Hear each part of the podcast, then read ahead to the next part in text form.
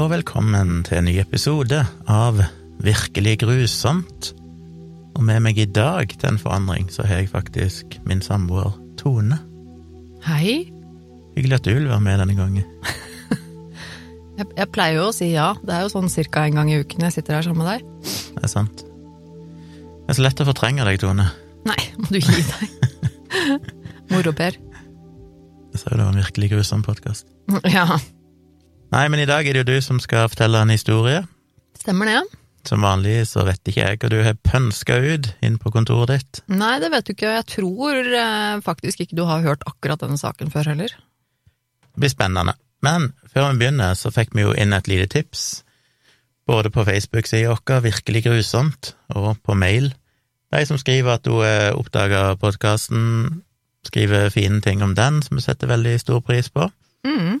Kanskje spesielt at hun trekker fram eh, Dette er jo da Lisbeth. Trekker fram at hun liker den måten vi snakker og mm, diskuterer episodene på i etterkant, for det er det jo enkelte som ikke likte så godt, men eh, det er jo det som er formatet vårt. Og take it or leave it. Ja, jeg tror eh, folk eh, I starten så fikk vi jo liksom høre at det, det var litt uvant for folk, tror jeg. At det var ikke helt det de hadde forventet av en i en true crime-podkast. De fleste andre sånne type podkaster er jo ofte med manus og litt annet format enn det vi har. Men det, er, dette er liksom den podkasten akkurat sånn som jeg eh, tenker på det, egentlig. For dette er en sånn podkast som jeg ønsket meg å høre på. Mm. En podkast som tar opp eh, saker fra virkeligheten som er kanskje spennende å høre om, som man ikke har hørt om før, og hvor man kan snakke om det uten å ha et, om, uten å ha et manus, da. Jeg syns det er veldig interessant å høre, om, eh, høre på en sånn type podkast hvor det er litt diskusjoner og fortellinger, og hvor det er litt mer sånn løst. Ja. Og eh, apropos det, holdt jeg på å si, å diskutere innholdet, så har jo vi hver uke en såkalt grusomhetsskala, som eh, nesten hver episode er litt eh, Vi er alltid like usikre på å passe denne skalaen til akkurat denne episoden. Ja, det er jo litt vanskelig. Men det er jo komplisert. Men vi har valgt å gjøre det, bare for å rangere det på et vis. Um, Og så var det et forslag da fra Lisbeth om at kanskje vi skulle oppfordre dere til å gjøre det. Og det har vi jo for så vidt gjort tidligere, men vi har stort sett sagt send det på mail. Men et godt tips framover, som vi ønsker dere, som vi blir veldig glad hvis dere gjør, det er at når dere ser denne posten for en ny episode, enten det er på Facebook-sida vår, Virkelig grusomt, eller på min eller Tone sin Instagram, Min er Civix, C-I-V-I-X. Tone sin er Tone Sabro i ett ord. Eller på Twitter, der det vel er akkurat det samme. Jeg er Civix på Twitter, og du er Tone Sabro på Twitter. Så vi pleier jo å dele episodene der, og da er det veldig kult om dere skriver hva dere syns, hvilken karakter på grusomhetsskalaen dere mener den episoden fortjente. Dere kan selvfølgelig gå tilbake igjen på gamle poster, hvis dere ønsker det enten på Facebook, eller hvis dere klarer å grave dem fram på Twitter eller Instagram. Kan dere gå tilbake igjen i tid og gi stemme til gamle episoder. Så det er litt interessant for oss å høre om hvordan dere hadde da plassert uh, historien på, på grusomhetsskalaen, på hvilken uh, karakter holdt jeg på å si dere hadde gitt. Gjerne også egentlig gi en litt kort forklaring på hvordan dere rangerer også, for det syns jeg også er litt interessant. Det er jo litt, eh, det er jo ikke alltid så lett det, å vite hva man skal, hvilke kriterier man skal ta høyde for, holdt jeg på å si, når man setter en sånn skala. Det er jo, eh, vi har jo, både du og jeg har jo på en måte litt forskjellige utgangspunkter, tror jeg, når vi setter, eh, når vi setter en sånn eh, Ja, men det, og det er jo veldig subjektivt, det er jo det som er litt gøy. Ja, en historie for noen som er sånn ah, dette var ikke noe Noen særlig. syns én ting er veldig grusomt, mens Ja. andre syns andre ting er, er forferdelig. Så det er, det er alltid litt interessant å høre hvordan dere tenker. Så er det litt gøy, og litt trist òg på et vis, å høre at vi får tilbakemeldinger fra folk som ikke hører alle episodene, for de syns kanskje det blir for grusomt. Å ja. Men Ja, det er ja, jo, sånn er jeg syns jo. det er en seier, da har vi iallfall klart å legge det på et nivå som er litt sånn Ja, som faktisk er litt grusomt. Ja, podkasten heter jo virkelig grusomt, så jeg tenker at eh, da er vi vel innafor på et eller annet vis, da. Ja. Det er jo eh, en podkast kanskje for, for oss som er litt eh, spesielt interesserte i true crime og, og bisarre og grusomme og mystiske hendelser, tenker jeg. Så da har vi jo truffet på et eller annet vis, kanskje. Ja, og shit, det minner meg på at jeg må fortelle en historie Jeg må se om jeg finnes en grusom historie som involverer edderkopper. For den kan jeg gi ti av ti med en gang. Du mener at jeg må finne en historie som inneholder edderkopper? Det vet jeg jo, at hvis jeg finner en eh, grusom hendelse som involverer noe med edderkopper, så er du jo solgt eh, med en gang. Da blir det ti av ti.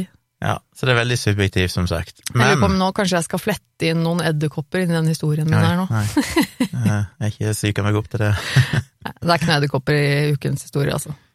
Men da tror jeg vi hopper i det, og jeg gir ordet til deg, Tone. Ja. Take it away. Jeg sitter her nå med en liten hund i fanget som eh, trengte litt eh, kos etter en eh, regnværstur, så eh, foreløpig ligger hun veldig stille og rolig, så det skal gå greit, men vi får se hvor lenge det varer. Men eh, vi skal, altså i dag, eh, dette er en, en spesifikk historie, men dessverre så finnes det jo veldig mange historier som ligner på denne. Jeg tror eh, neppe du har hørt eh, akkurat eh, denne saken her, men du har helt garantert hørt om lignende saker. Vi skal um, til Sverige, så ikke så langt denne gangen. Men uh, det, vi skal tilbake til, altså dette er Sverige, det er november 2005. Eh, Et lite tettsted i Småland som heter Høgsby. Og i en liten leilighet her blir det oppdaget en død person. Politiet tar seg inn i leiligheten og ser eh, straks at dette her, det er ikke et naturlig dødsfall. Kroppen ligger eh, på ryggen rett på innsiden av eh, døra i gangen, og det er blod overalt. Det er blod på gulvet, det er blod på, på veggene, og, og blodsprut. Det er eh, blodige draspor på gulvet og, og eh, fotavtrykk i blod. Kroppen er blitt knivstukket, eh, antagelig rundt 25 knivstikk, både på forsiden og baksiden av kroppen. En finger er kappet av, og ansiktet er tilsynelatende brannskadet. I hvert fall en skade i ansiktet som kan se ut som eh, en brannskade. Lysene i leiligheten er på, men eh, det er tomt der. Familien som bor i leiligheten er borte. Hvor er de? Og hvem er det, denne personen som er drept, som ligger på gulvet? Familien bor, eh, som bor i leiligheten her, flyttet inn i, i denne leiligheten fem år tidligere, etter å ha kommet til Sverige som asylsøkere fra Afghanistan. Og de er det jo mange av. Eh, Denne familien eh, her besto av eh, en mor og en far, tre sønner og en datter på 16 år. Alle barna de gikk på samme skole, men denne datteren, hun heter Sina, hun holdes i veldig stramme tøyler av, av foreldrene. Så de er veldig, veldig konservative. Hun, eh, Sina, får ikke gå ut alene. Hun eh, Uansett eh, hvor hun går, så må brødrene hennes da følge henne, og til og fra skolen og sånn hver dag, så må brødrene hennes følge henne. Hun må kle på seg, ha heldekkende klær, veldig konservativt kledd altså, og til og med om hun vil møte venner, så skal det skje på avtale med foreldrene og sånn på forhånd, så hun får ikke ta noe initiativ til det på egen hånd. Eh, Og det er egentlig sett på som hennes oppgave å eh, være mye hjemme og hjelpe moren med å lage mat og med husarbeid. Um, Sina vet også at um, hvis hun oppfører seg dårlig, altså det vil si at hun ikke hører på foreldrene, da, eller følger uh, rådene til, eller hva de sier, uh, enten til broren, eller gjør ting hun ikke skal gjøre, så kan hun få bank, uh, eller bli mishandla. Det er uh, sånn det funker i dette husholdet. Høres jo ikke spesielt hyggelig ut. Nei. Dessverre så Nei, så banko. Men så banko til vanlig. Faren. Det er vel sikkert mest faren, ja. Eh, Men jeg fikk inntrykk av at det er eh, At eh, det kan godt hende at hun, hun har i hvert fall en eldre, en eldre bror, som også mm, sikkert får bestemme litt. Hun er i hvert fall Virker som hun er nederst på rangstigen. Mm. I familien her, i hvert fall. Og foreløpig så er jo ikke dette noe ukjent scenario, ikke sant. Dette er jo noe som man dessverre hører om i flere deler av verden. Men eh, denne familien da, hadde en, eh, en vennefamilie et eh, annet sted i, i Sverige. Denne familien her bor ganske langt sør i Sverige, så har de en, en vennefamilie som bor et godt stykke opp i Nord-Sverige. Um, og de, den familien har også en datter som er ca. på Sinas alder, og de har vært på besøk, og de ble fort gode venner, denne datteren og, og Sina, da. Og de begynner uh, å chatte med hverandre uh, på nettet etter at de har vært på besøk. og ofte når Sina chatter med denne venninnen, så har hun venninnen en kompis til stede. Altså som sitter sammen med henne der oppe på andre siden av Sverige, og er med litt sånn i chatten og, og sånn, da. Så er det litt sånn, de blir litt kjent med hverandre, og etter hvert så begynner de liksom Han kompisen da begynner å, å skrive litt eh, med Sina. Denne kompisen heter da Abbas Rasai. Han er 20 år gammel, og han kom til Sverige året før. Han flyktet også fra Afghanistan, men da som en enslig flyktning hans far og hans bror ble drept i krigen i Afghanistan.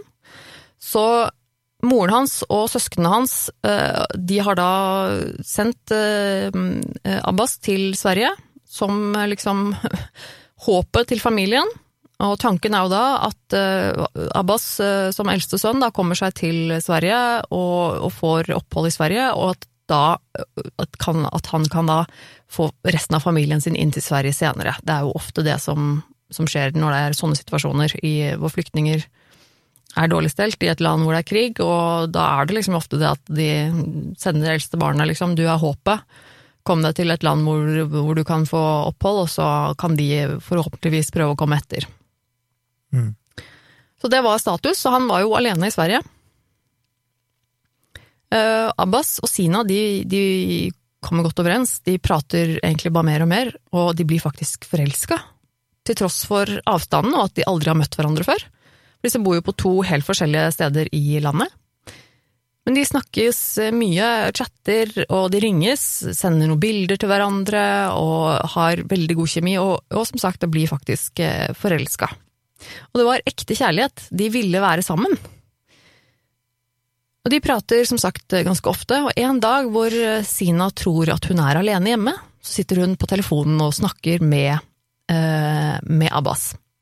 Hun eh, sitter og prater og ler eh, med Abbas, og plutselig kommer faren hennes busende inn i rommet og tror at hun sitter og snakker med en gutt i telefonen. Han blir veldig, veldig sint, for det får hun ikke lov til. Så han drar henne inn på badet etter håret og roper at han skal drepe henne. Roper til sønnen at du må hente en kniv, jeg skal drepe henne, jeg skal drepe henne. Og blir utrolig forbanna. Ehm, så ender det jo med at faren eh, roer seg ned, i hvert fall så skader han ikke noe mer enn det.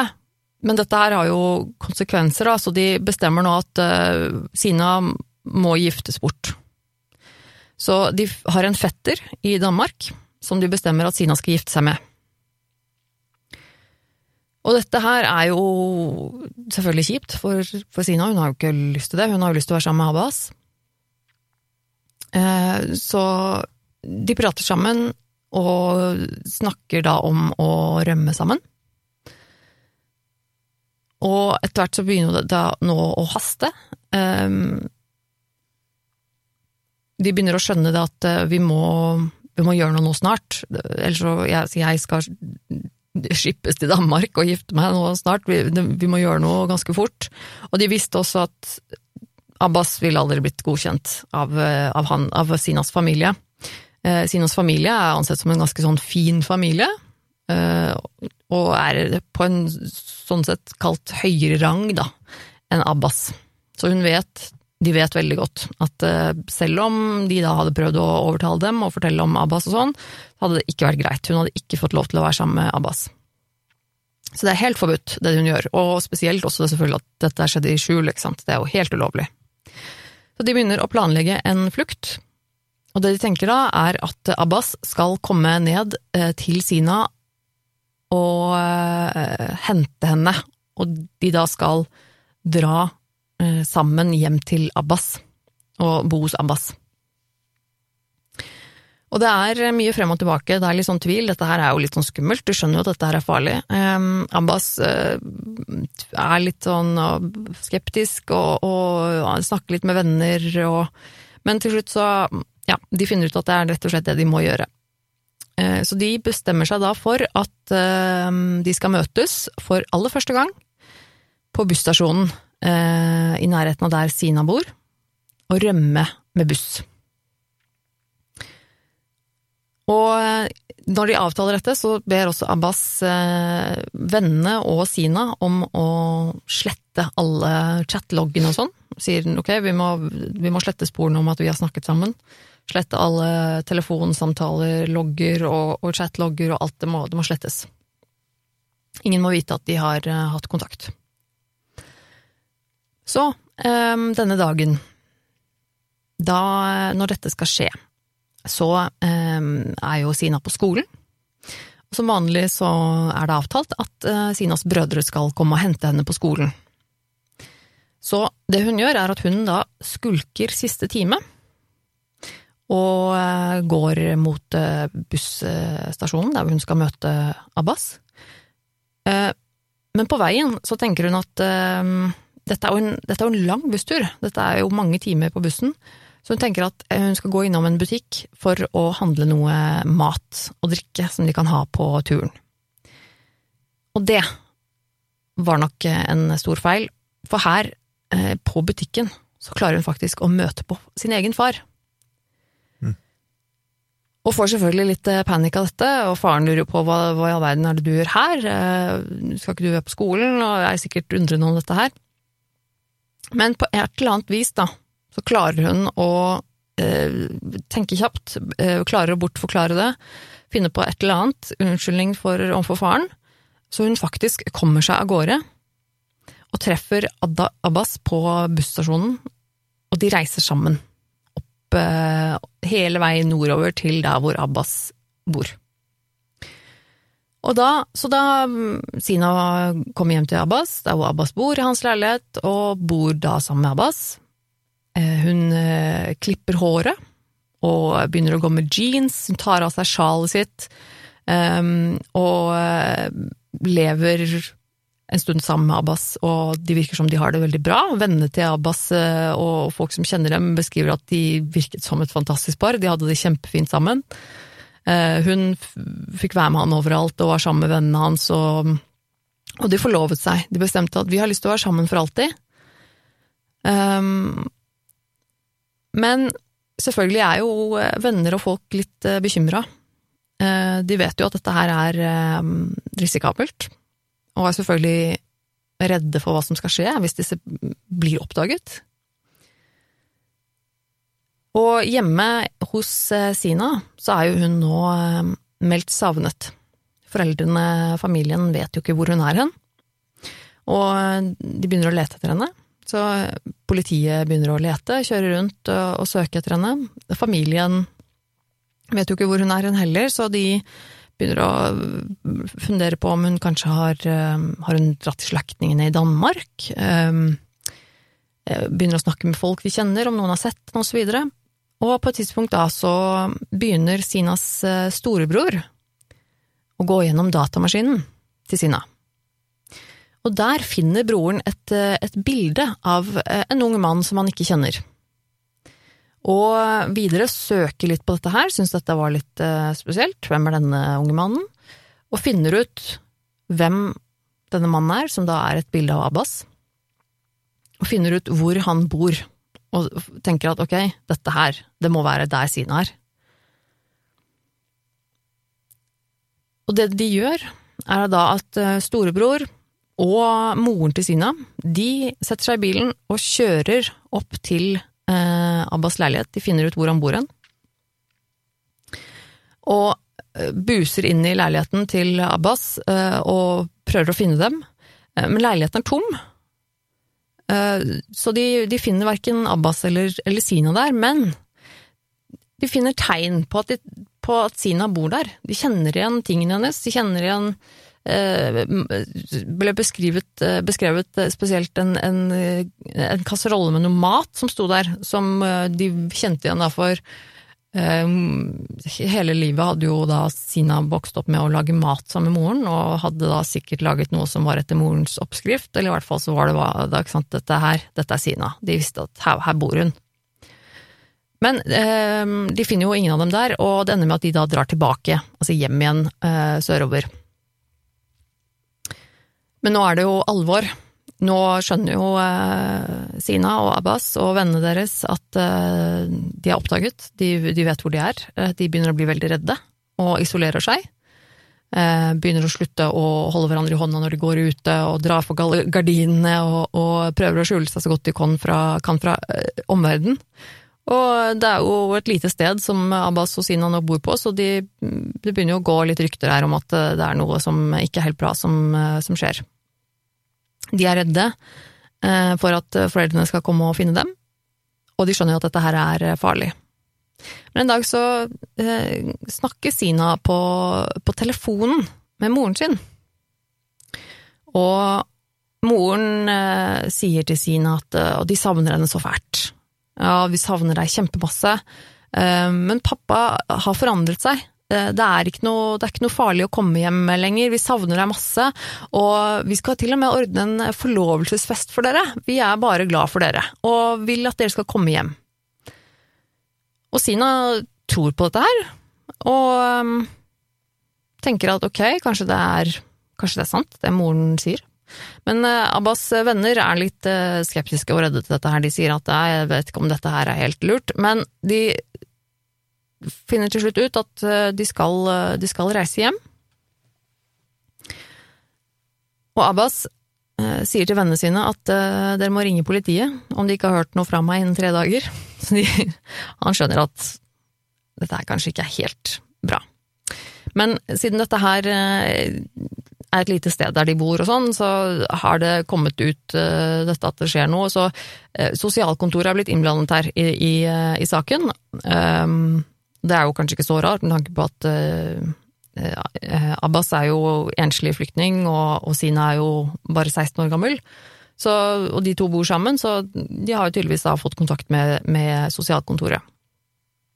Uh, og de har et møte da med foreldrene til Sina, altså sosialkontoret, hvor de tenker at eh, ok, mm, skal vi møte med dem, og så skal vi se hvordan blir dette her egentlig når de kommer hjem. Eh, de har tenkt å komme hjem, hva er det dere tilrettelegger for dem, hvordan tenker dere dette skal skje? Um, og, og sosialkontoret sier da at ja, vi har en, en, liten eh, leilighet også da, som Abbas kan få lov til å, å bo i en periode og sånn. Men familien var veldig positive. De sier at eh, nei, nei, nei, og dette skal gå så bra, og faren til Sina insisterte på at Abbas var deres gjest. Han skulle bo hos dem, det var ikke noe problem, og var veldig insisterende på det. Og sosialkontoret de tolket dette her veldig positivt. De syntes eh, at dette virket uh, rimelig og, og ja, positivt. Så um, Asina og Abbas drar hjem med fly så er det moren til Sina og en eh, representant fra sosialkontoret som møter dem på flyplassen når de kommer til Høgsby. Og de har pyntet seg, og eh, Abbas har med blomster til eh, moren til Sina. Men moren er sint, og vil ikke hilse på Abbas i det hele tatt. De drar hjem til foreldrenes leilighet.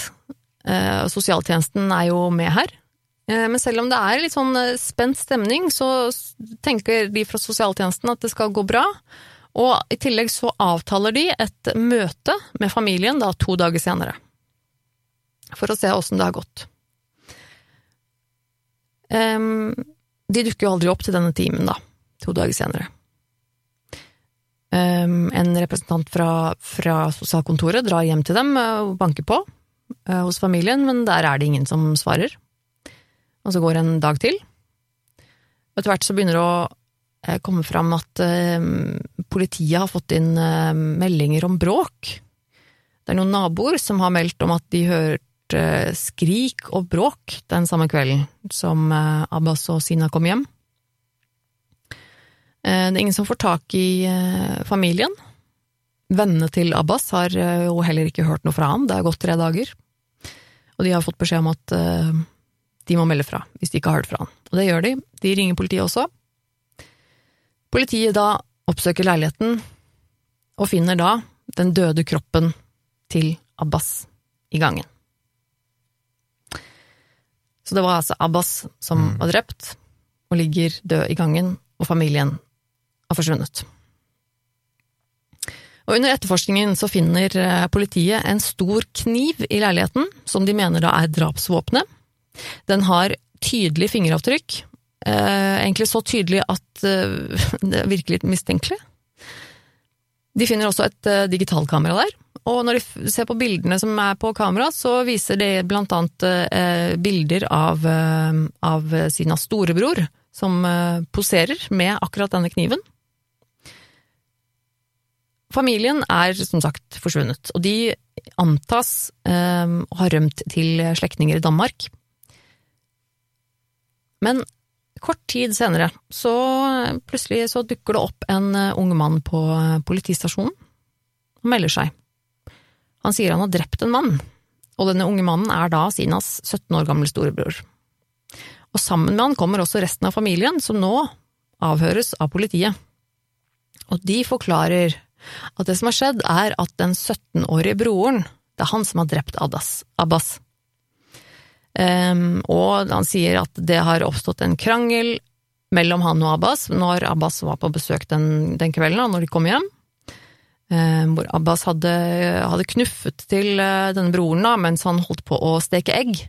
Eh, så broren hadde kastet eggene i ansiktet på Abbas, eh, og de hadde begynt å slåss. og broren hadde da knivstukket Abbas i raseri han døde. Ehm, dette er jo en, en fortelling som blir bekreftet av hele familien, alle familiemedlemmene her. Men, eh, men altså, politiet er Var er òg med, da? Hmm? Var Sina òg med, da? Nei, hun var ikke der. Eh, politiet de er litt skeptiske til denne forklaringen her. Eh, de tenker at dette kanskje er æresdrap. Og det blir også for så vidt forsterket litt når de hører altså, disse eh, foreldrene, og sånn spesielt faren, uttale seg eh, i disse avhørene hos politiet. For han, eh, han kanskje muligens liksom forsnakker seg litt noen ganger, eller eh, sier ting som eh, får politiet til å tenke at um, ok, han kan si for eksempel sånn at om, om dette hadde vært i Afghanistan, så hadde sikkert 10-20 mennesker blitt drept, og min datter hadde blitt drept, for sånn er reglene. Og han hadde sagt at hun er ikke noe mer verdt enn en rusten klump med jern, og vi skulle heller hatt en hund, for den er i hvert fall lojal. Um, men han nektet jo at dette gjaldt i Sverige, da. Det var bare, selvfølgelig bare i Afghanistan, da. Dette var, dette var uh, gyldig, selvfølgelig. Nei, ja, det var ikke noe, det var ikke noe som var Det var ikke sånn her i Sverige, liksom. Men eh, ja, politiet syntes jo selvfølgelig det var litt uh, spesielt. Um, og de prøvde da å sette i, gang en rekonstruksjon i leiligheten med familien for å avdekke avvik i, i deres fortelling. Så da, for de som ikke vet det, så tar de da også drar med familien hjem igjen i leiligheten sammen med politi, og de tar opptak og filmer dette, hvor de da ber eh, dem om å gjenskape handlingen eh, med altså alle Vise helt konkret med bevegelser, hva de sa, hva som skjedde når, videre, eh, i leiligheten. Um, for da er det jo ganske enkelt at hvis det er noe de ikke har fortalt, eller hvis det er noe som ikke stemmer overens, så det ganske, kommer det ofte ganske tydelig fram i en sånn type type um, uh, Jeg bare leser uh, uh, Hvor var jeg? Ja, um, i en sånn rekonstruksjon, da. Og deres forklaringer og den demonstrasjonen som da de gjennomgår i leiligheten, for politiet satt der bare Men dette stemmer ikke. Det de forklarte var Det stemte ikke overens med skadebildet i det hele tatt, av de bevisene som de hadde funnet i leiligheten, blodspor osv., så videre, sånn som politiet så for seg at det hadde skjedd. Det var noe helt annet enn det familien selv forklarte. Eh, Og politiet de mistenkte at eh, disse brannskadene i ansiktet på Abbas, eh, at det var olje, og tenkte at det kunne kanskje ha noe med moren å gjøre, for hun, moren har et brannsår på hånda si. Eh, men under rekonstruksjonen og forklaringen så sier hun, moren da at hun, hun forklarte at nei, det brannsåret det, det oppstod fordi at hun fikk med seg da at eh, Abbas og sønnen begynte å krangle, og da hadde hun uh, kommet uh, og, og prøvd å, å, gå imellom dem, da, og hadde grepet tak i, i kragen til Abbas, og påsto da at det var sånn han, hun hadde brent hånda si.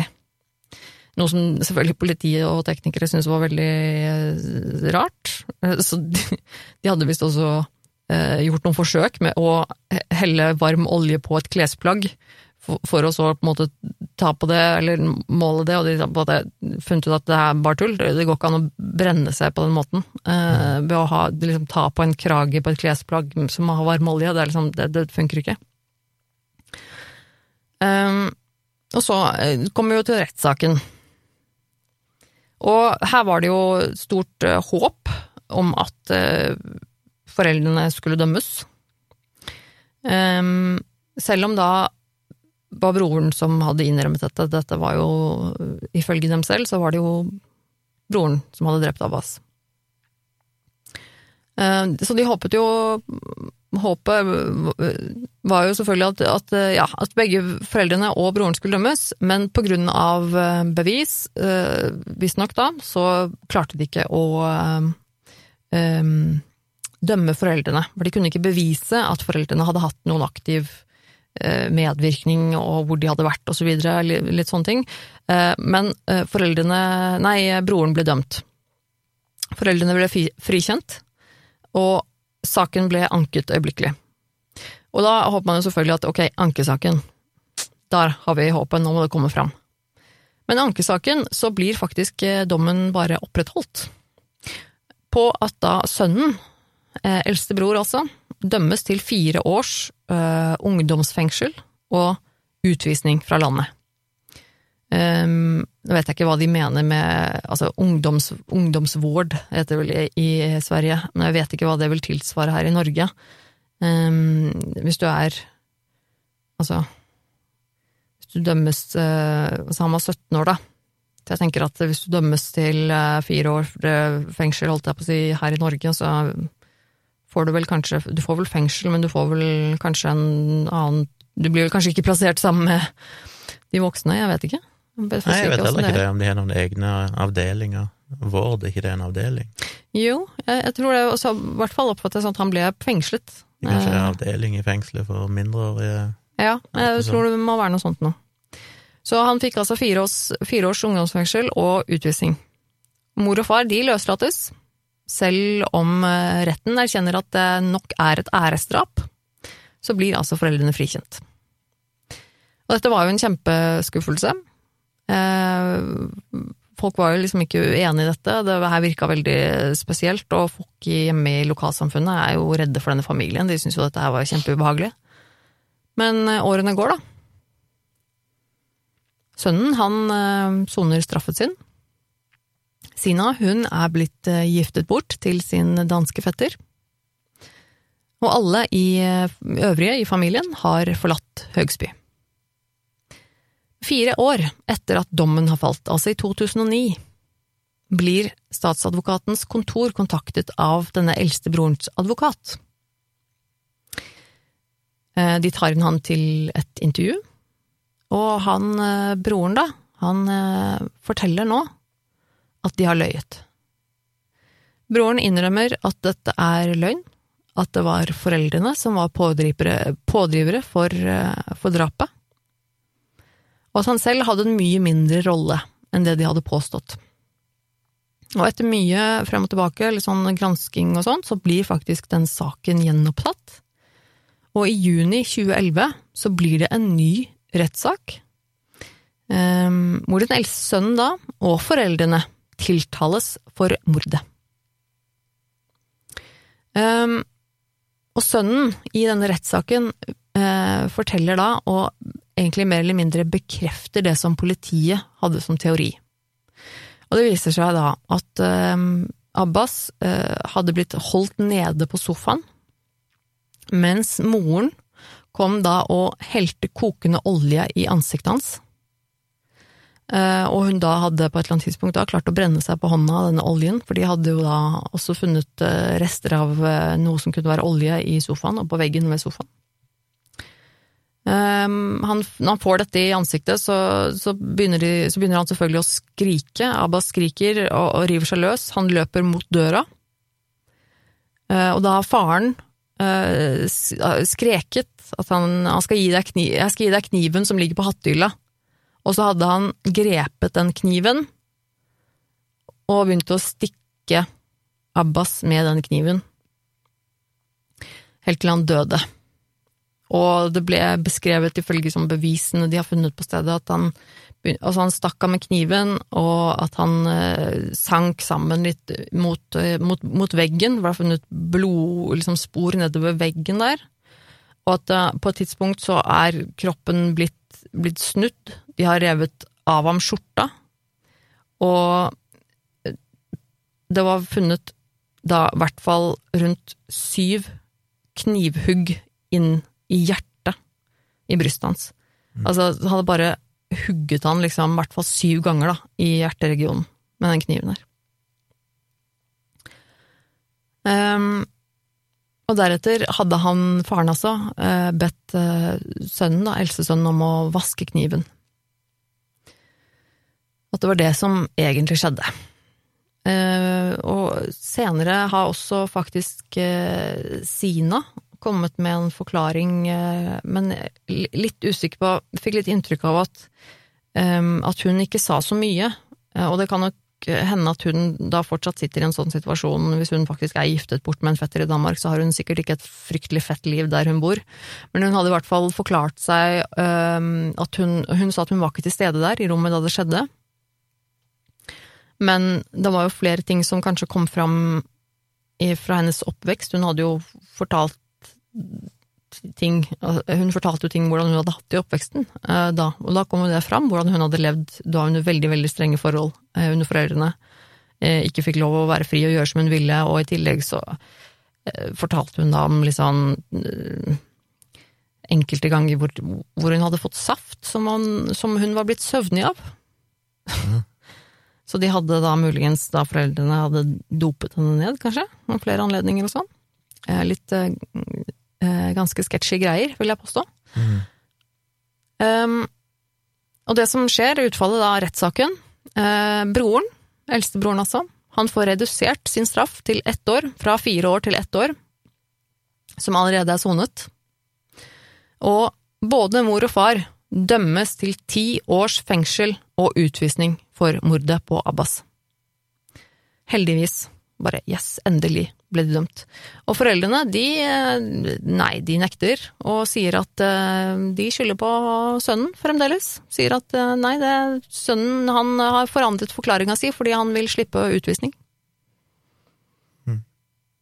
Og det han, han fikk vel lov å bli i landet, da, etter den nye dommen? Akkurat det, den detaljen er jeg ikke sikker på, men jeg tror Altså, han fikk i hvert fall redusert straffen sin, så at den ble gjort om til ett år istedenfor fire, og han hadde jo allerede sittet Fire år i fengsel. Så det kan jo virke som da han slapp den utvisningen, da. Mm. Eh, det er jeg ikke sikker på. Men uh, foreldrene ble da dømt til å sitte ti år i fengsel og, og utvises uh, etter det. Og det var egentlig enden på, på visa. Og det er jo um, Jeg tenkte jo med en gang litt sånn at jeg syns at det nesten var et mirakel at ikke hun Sina ble drept. For det er jo ofte det man hører om i sånne saker, så er det jo datteren som har vanæret familien, som blir drept.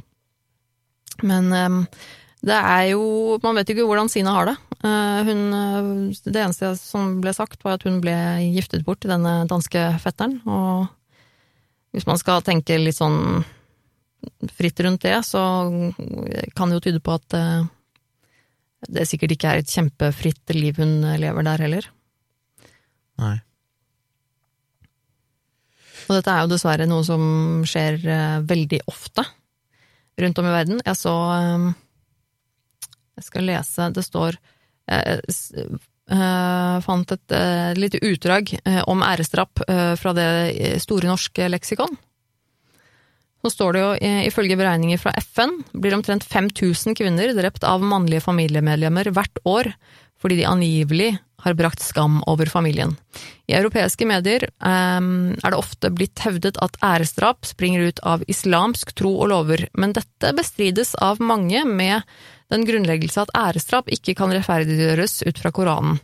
Forskere har påvist at æresdrap også forekommer i ikke-muslimske samfunn, blant annet i Tibet og India.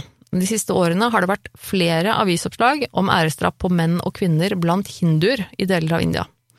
Ehm, de fleste av disse har blitt eh, begått som reaksjon på ekteskap eller kjærlighetsforhold på tvers av grensene mellom ulike kaster. Eh, æresdrap skjedde relativt hyppig i Hellas og andre kristne land i Sør-Europa fram til 1970-tallet. Mm. Så det er altså dessverre ganske utbredt, men ikke bare i muslimsk eh, tro, da, som mange kanskje tror. Ja, det er mange lag av grusomheter i den historien. Det er det. Hva tenker du? Nei, det er selvfølgelig Hvis en snakker om drap i seg sjøl, så er det jo Det med å tømme kokende olje i trynet på noen er jo et eget nivå av Ja, fy faen. Men én ting er å drepe noen fordi du er skrudd i hjernen og tror at det er det rette å gjøre, mm. men det at du i tillegg føler du må liksom torturere noen på den måten i forkant, ja. det er nesten sånn Ja, skal ikke si han skal være glad han ble drept, men uh, i den situasjonen så føles det nesten som barmhjertig å drepe han etterpå. Det må være helt forferdelig. Men ja, så det er jo helt grusomt bare det å ha den ideen.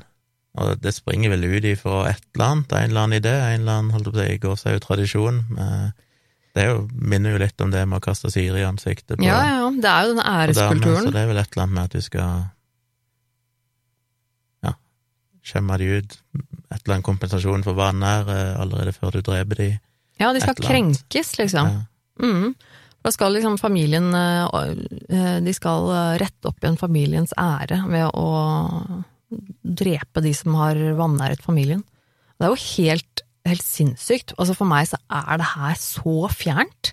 At man skal, ja. at man skal sette æren sin og familien sitt rykte gå foran din egen familie. Altså her, her er det ja. folk som dreper sin egen datter eller sønn, eller altså man, man, dreper sin egen datter fordi at hun har liksom vanæret familiens rykte. Og det er bare for meg så fjernt. Ja, det er så ufattelig vanskelig å sette seg inn i den mentaliteten, altså hvordan ja. du kan vokse opp i en kultur. Ja, det eneste at de på en måte i, sånn, i sånn type kultur, da, så ser man på det som det eneste riktige å gjøre. At ja, familien, det skjønner jeg jo, altså de gjør det jo fordi det er riktig. Ja, altså det er liksom det de må gjøre, da. At sånn er reglene, liksom. At det er rart du... du kan bli så fucka i hodet at ja. det i det hele tatt er Jeg mener bare det å, å slå dattera si for å gjøre noe sånn, føler jeg jo er liksom Til og med allerede da er du skrudd i hjernen. Ja. Men å gå til det ja, Nei, det er bare og det er dypt interessant, for det er jo helt forferdelig, og det er ingenting som kan forsvare det. Eh, men allikevel så er det jo tydeligvis et eller annet i hodet deres som klarer å kan vokse opp med en så dyp eh, skam. Og så er det så deprimerende òg, for det er en sånn klassisk ting der du føler at noen må, må si at eh, jeg tar heller denne skammen enn å ta livet av noen. Mm. For det er så dypt egoistisk å si at ja, men jeg, jeg, jeg vil liksom reinvaske meg sjøl. Mm. Jeg skjønner at det kan være veldig komplekst i noen kulturer. Det kan være sånn Hvis ikke du gjør det, så kan det ende opp med at mange flere blir drept, fordi at da er det andre som tar hevn, ikke sant. Og selvfølgelig er det noen som er fanga i et sånt system som gjør at hva absurd det må høres ut, så kanskje er det den løsningen med, med beste utfall i all sin groteskhet, uh, uten at jeg vet noen detaljer om det. men men det er jo liksom ingenting som kan forsvare det, du får jo bare lyst til å Ja, det, det, Jeg blir så sint. Og det, det går jo igjen i Én ting er jo Én ting er jo når du har gjort noe sånn, at hun har liksom flørta med en gutt og vært med en gutt, og at det liksom er vanære. Og så blir det bare enda hakket verre når det er sånne tilfeller der ei jente for eksempel har blitt voldtatt, og så blir hun drept fordi hun er vanære. Da er det liksom bare så enda ja, et nivå opp, der hun er offeret i utgangspunktet, og så blir hun straffa for å være offer og sånn. Mm. Men det er litt beside point. Men nei, det er helt forferdelig grusomt. Men så er det jo den andre nivået som sier litt om at på en måte helt uavhengig av hva du måtte mene om deres at det kan være en form for et annet som er de er fucka i hjernen, innpoda gjennom tradisjon og kultur og alt mulig sånn, så er det fortsatt et helt annet nivå igjen å si at men vi velger at sønnen vår skal ta skylda for det. For det føles som en sånn ting at uavhengig av alt det andre, hvor grotesk og forferdelig det er, så føles det som et valg de foreldrene gjør, som de ikke måtte ha gjort. Mm.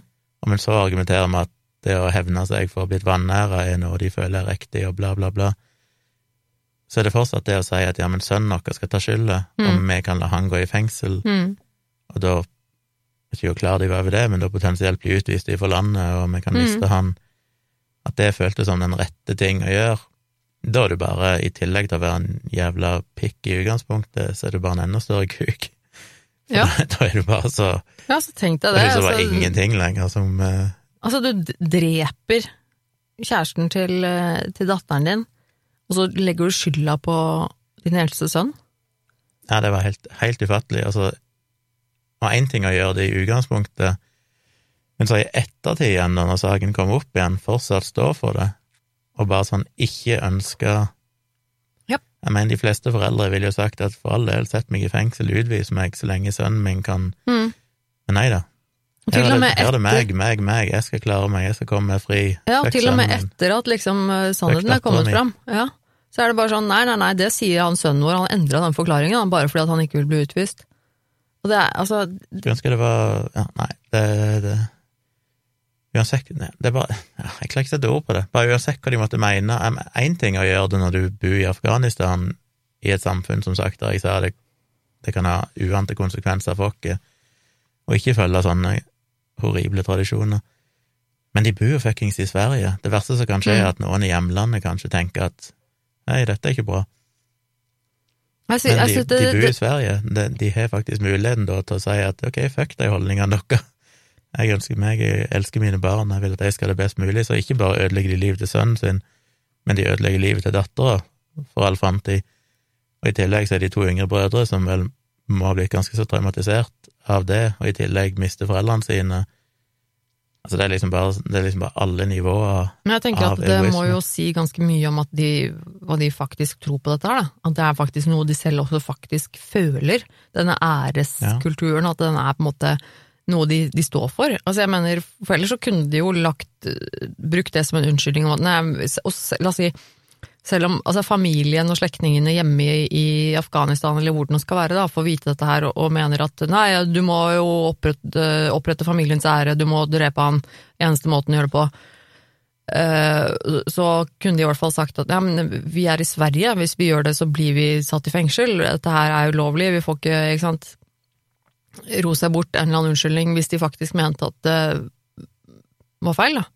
Men det er jo tydelig at de, de driter jo i det. Selv om de er i Sverige, så skal de følge de rette lovene, liksom. Altså de skal følge kulturen sin, de skal, at de faktisk tror på det, at det er, det er riktig for dem å måtte drepe Abbas.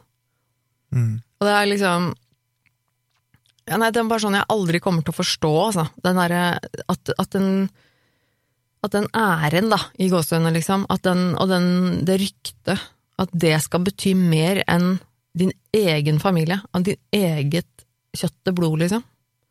At du setter det foran. Det, og det er bare sånn, vi har hørt om masse sånne historier.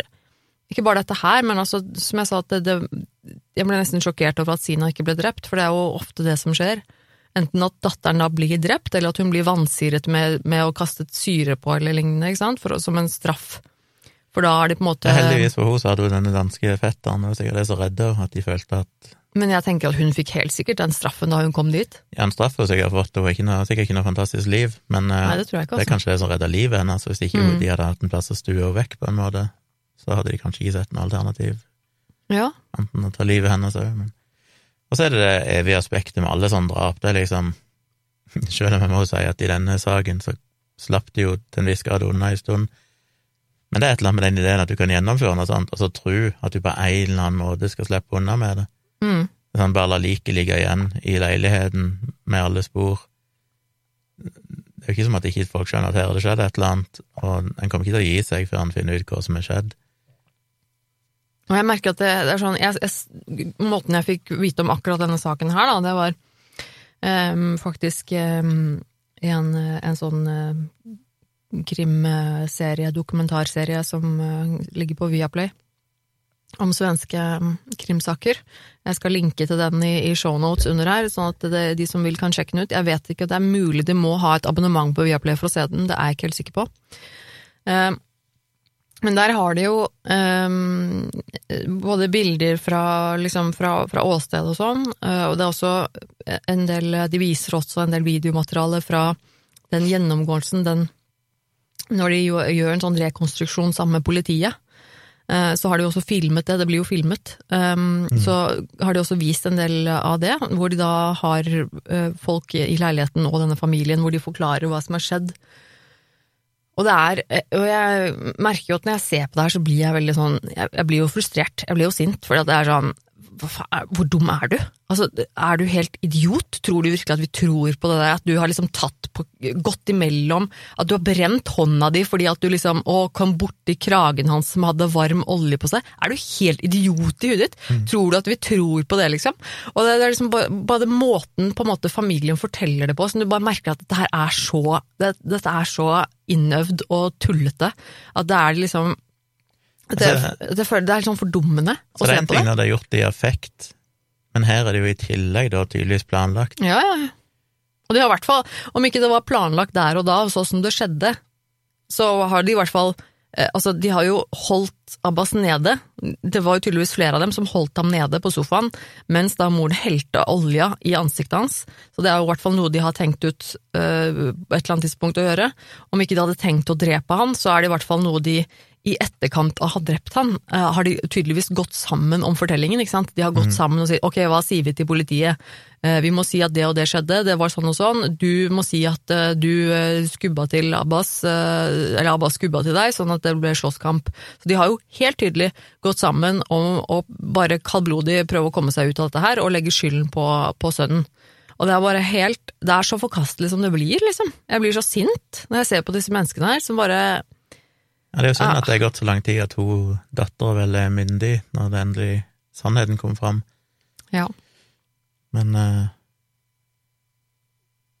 Ja, for ellers skulle hun jo håpe de kunne fått henne ut av det òg, men de kan vel ikke det hvis hun er myndig. Ja.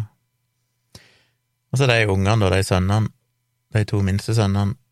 Ja. Jeg vet ikke hvor gamle de er, men Nei, at de er blitt plassert i et eller annet fosterhjem, og jeg mener det er jo minimumskravet er at sånne foreldre, uavhengig av om de hadde blitt dømt eller ikke, må jo aldri oppdra unger med de holdningene. Nei, jeg er litt usikker på, um, litt usikker på hvordan det blir. Altså sånn De var kanskje for gamle, jeg vet ikke helt. Nei, altså fordi altså hvis foreldrene blir utvist, så er det jo vanligvis sånn at barna følger foreldrene, med mindre de er Ja, men de skal jo først være i fengsel i ti år. Ja, det er nettopp det, med mindre de da er blitt voksne nok til å kunne bli, for da kan de jo få opprettet en egen sak hvor de kan søke om å få bli i Sverige, da. Mm. Uh, men ja, som sagt, det vet jeg ingenting om. Uh, men jeg syns jo det er rart at de bare fikk ti år òg, da. Jeg syns det var en mild dom for ja. et drap som så helt åpenbart er overlagt og ja. gjennomført på en brutal, brutal grotesk veldig, måte, ja. og som i tillegg til drapet da involverer falsk tilst eller falsk forklaring, mm involvere at de utsatte sønnen sin for fire fuckings år i fengsel for noe mm. han Ok, teknisk sett så var han kanskje med, medvirkende og over kriminell lavalder, så sånn sett så Jo da, men allikevel så føler jeg at akkurat der, når du, når du er en sønn i en sånn familie, under det presset, så er det vanskelig å si at han er skyldig på noe vis. Mm. Eh, det er selvfølgelig vanskelig å si, for jeg håper de har vurdert det nøye i, i rettssaken, og det er de sikre, men det føles jo som at han egentlig er uskyldig, nesten uansett hvor mye han var med på det. Bare mm. fordi at hvordan i all verden kunne han nekte, når du har en far som banker deg opp og er villig til å begå drap på en mor som er like ille. Mm. Um, så jeg syns de var lite. Jeg har jo sett noen av de episodene av denne svenske krimserien veldig, mm. som er veldig bra. Jeg har jo ikke sett denne episoden, da. Ja, det er jo en serie jeg vil anbefale. Altså Men jeg sa jo så mange der som får både livsvarig fengsel og 21 år i fengsel, og jeg skjønner ikke helt hva rasjonalet var for å gi disse ti år i fengsel, når det Nei, er så gjennomført, jævlig gjennomført, mm. og så planlagt. Og... Nei, det... Nei, men de fikk nå i hvert fall ti år. Det ble heldigvis eh, Altså, hvis ikke denne sønnen hadde, hadde tatt kontakt eh, senere og villet fortelle om hva som egentlig skjedde, så hadde jo disse foreldrene sluppet unna. Altså, de, mm. de slapp jo utgangspunktet unna. Ja. Det er jo helt grusomt. De fikk det i hvert fall ti år, da, i tillegg til at de da blir utvist. Og de blir jo sendt tilbake til Afghanistan, og de får ikke lov til å komme tilbake til Sverige. Mm. Så Ja, sånn sett så var det jo en uh, happy ending i all sin forferdelighet. ja, bortsett fra. Fosina. Jeg, som sagt, jeg tviler veldig sterkt på at hun er lever er happy med et den endingen, Hun, men eh, hun lever nok ikke et lykkelig liv i Danmark heller. Men, eh, men Og det er som sagt, denne saken her er jo Jeg syns jo den saken var litt unik, både altså den, For den den snudde litt om, da, fordi det var Abbas som ble drept og ikke Sina. Jeg, da jeg satt og så på denne saken, så var jeg sikker på at det var Sina som skulle bli drept. Mm. Eh, også med tanke på at de, de Ja, med rettssak og ditt og datt. Men det er jo ikke en unik sak, ikke sant. Det er bare så tragisk. Eh, For meg så er det bare så utrolig fjernt at eh, det går an å ville drepe sitt eget barn, eller vansire sitt eget barn med syre, eller et eller annet hva det skal være, for, å, for, for at ryktet ditt i, i byen skal opprette, opprettes.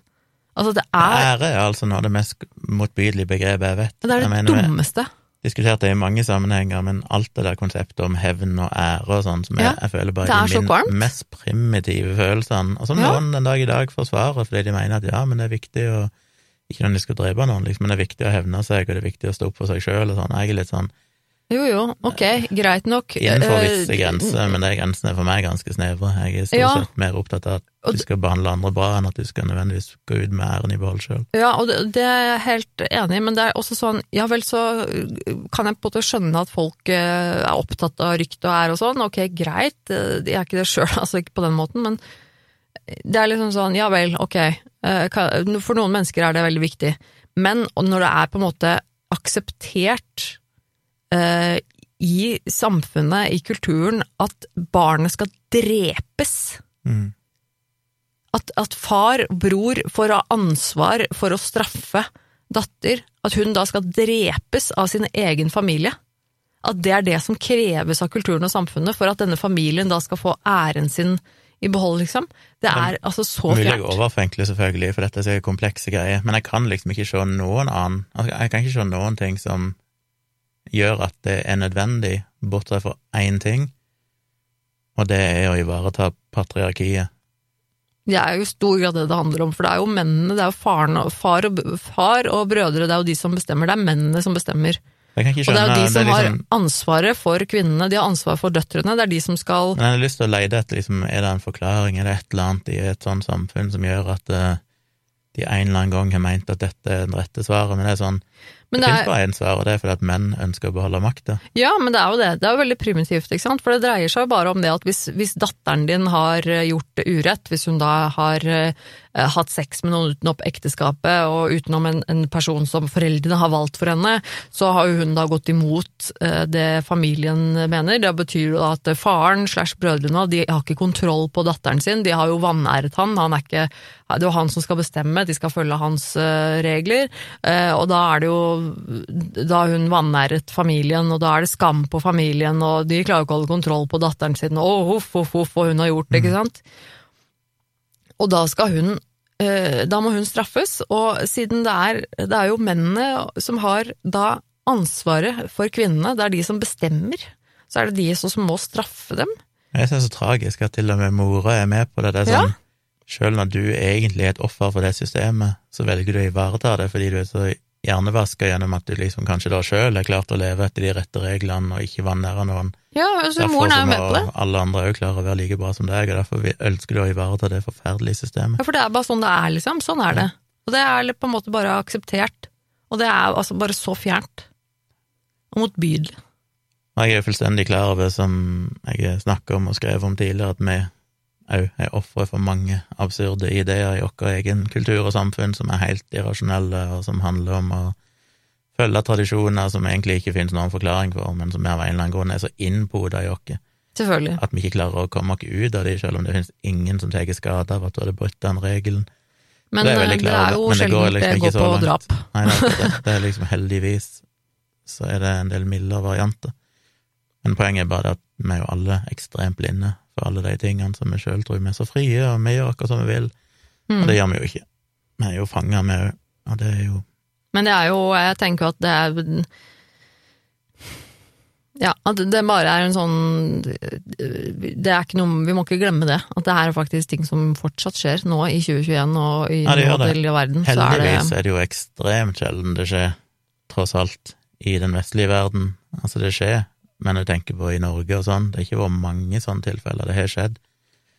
Men det betyr jo at heldigvis, som jeg sa tidligere, de aller fleste finner jo ut at de ønsker å Det viser jo all forskning òg, følge norske lover, norsk kultur når de kommer her. mm. Ja, Men det det vil alltid jo være noen, selvfølgelig, som er litt eh, psykopat i utgangspunktet. Ja, nei, jeg har jo sett eh, andre sånne dokumentarfilmer og sånne ting også, hvor det er Mm. en, eh, en eller annen overlevende da, kvinne som har fortalt sin historie, hvordan hun ble forsøkt drept eller eh, av enten bror eller far eller fetter, ikke sant, eller som Mm. rømmer landet og som, fløker, som søker asyl eller flukt til andre, flukter til andre land, da, fordi at familien hennes er ute etter å drepe henne. Det er jo stadig folk også, som, kvinner som kommer til Norge, som er eh, redde for familien sin, ikke sant. Det er, det er eh, Nei, det er, det er bare så fjernt. Det er helt motbydelig. Ja. Vil du sette en, eh, en karakter, holdt jeg på å si? Hva heter det? En, eh, vi, må, vi må sette det på en skala, i grusomhetsskalaen. Én til ti. ja, det er like vanskelig som alltid. Ja. fordi det er så mange måter å se det på, men uh, det er en grusom historie. Um, tross alt um, bare, bare i gåsehudet ett dødsoffer, mm. som døde på en for så vidt grusom måte. Og selvfølgelig mye omliggende, med forferdelig skjebne for dattera og ungene og alt dette her. Mm. Så det er mye som kan eh, Men eh, med tanke på hva andre ting vi fortalte om òg, der det er så mange flere ofre, og der det er enda mer grusomme ting, så tenker jeg vel at denne ligger på en eh, Ja, en fem eller seks, kanskje. Mm. Og igjen må man jo minne på at eh, det betyr jo ikke at fem ikke er grusomt. Det er liksom ikke det som er vanlig. Det er ikke sånn at én er good og ti er ille. Nei, én er fortsatt grusomt, en, er men ti er det mest grusomme. normalen, så alt er på en måte på plussida ifra normalen. Ja. Og Så sånn det- æresdrap generelt, da, på en måte. Ligger det på rundt fem, tenker du? Det blir vanskelig å si. Bare generelt sett så gir jo æresdrap liksom ti av ti av omtrent hvor komplett uforståelig, idiotisk, og hvor mye det sier om om holdningene og egoismen og psyken til den som kan gjøre noe sånt. Eh, selv om jeg igjen skjønner at det er fryktelig komplekst og vanskelig å sette seg inn i Tenk deg at du liksom aldri kan, aldri kan stole på liksom din egen far og brødre, liksom. Ja, nei, det-. Du må liksom følge Nei, det syns jeg åh. Det er helt forferdelig. Ja, nei. Så nei. Men det var nå en historie. Dere får eh, var uh, Ja. sjekke ut linkene som vi deler inne på podkasten, som dere finner i podkastappen eller på Spotify. Eh, Der finner dere notatene. Akkurat denne saken her er det ikke så lett å finne noe mer info om. Jeg la, la link til noen svenske artikler, men, eh, men æresdrap generelt er det jo lett å finne info om, og mange tilsvarende historier. Og så vil jeg som sagt også anbefale å sjekke ut den eh, krimserien som ligger på Viaplay, som heter Svenske Ja, krimsaker. Da kan du ikke bruke flere saker derifra. Da kan vi alle ta se det. Det er interessant uansett. Ok, folk, ikke se på det. men Eh, altså, ja. Men vi oppfordrer dere da til å gi en grusomhetskarakter sjøl. Ja, gå inn på Facebooken vår eller andre sosiale medier der dere finner posten om denne episoden, og så kan dere kommentere under hvor dere ville rangert dette på skalaen, og gi gjerne en liten kort eh, forklaring også. Ja, interessant å høre hva ting dere vektlegger. Hva er det som trekker opp, hva er det som trekker ned? Mm. For å forklare hvorfor dere havna der dere gjorde. Da tror jeg vi runder av eh, denne søndagsinnspillingen. Yes. Ønsker dere ei god uke for dere som hører dette på mandagen allerede, som jeg vet noen gjør. Vi er tilbake igjen om en uke, vi, og da er det din tur, Gunnar. Og vi har som sagt planer om å prøve å få til en livestream snart, så vær forberedt på det. Vi kommer kanskje tilbake i, kanskje i neste episode med en dato og tid, når vi bare får tenkt litt og planlagt litt. Mm. Og hvis dere har noen tips der òg, til noe vi kan gjøre, hvis vi skal gjøre noe annerledes enn å bare spille inn en vanlig episode, så hører vi gjerne ifra dere. Og vi har jo en mailadresse som er virkelig grusomt, at gmail.com, så send gjerne inn forslag og sånn der. Ja, tips til saker og andre ting og tilbakemeldinger er veldig velkomment. Og del gjerne episoder, kommenter under de når vi deler de, det hjelper jo til å spre det glade budskap, og så setter vi pris på å få en del hyggelige stjerner og kommentarer inne på iTunes eller andre plasser. Det går jo å gi stjerner og og hyggelige kommentarer på Facebook-sida vår, sånn at den òg kanskje Ja. får mer eksponering. Men ja, da runder vi av. Vi er tilbake igjen om ei uke. Ha det!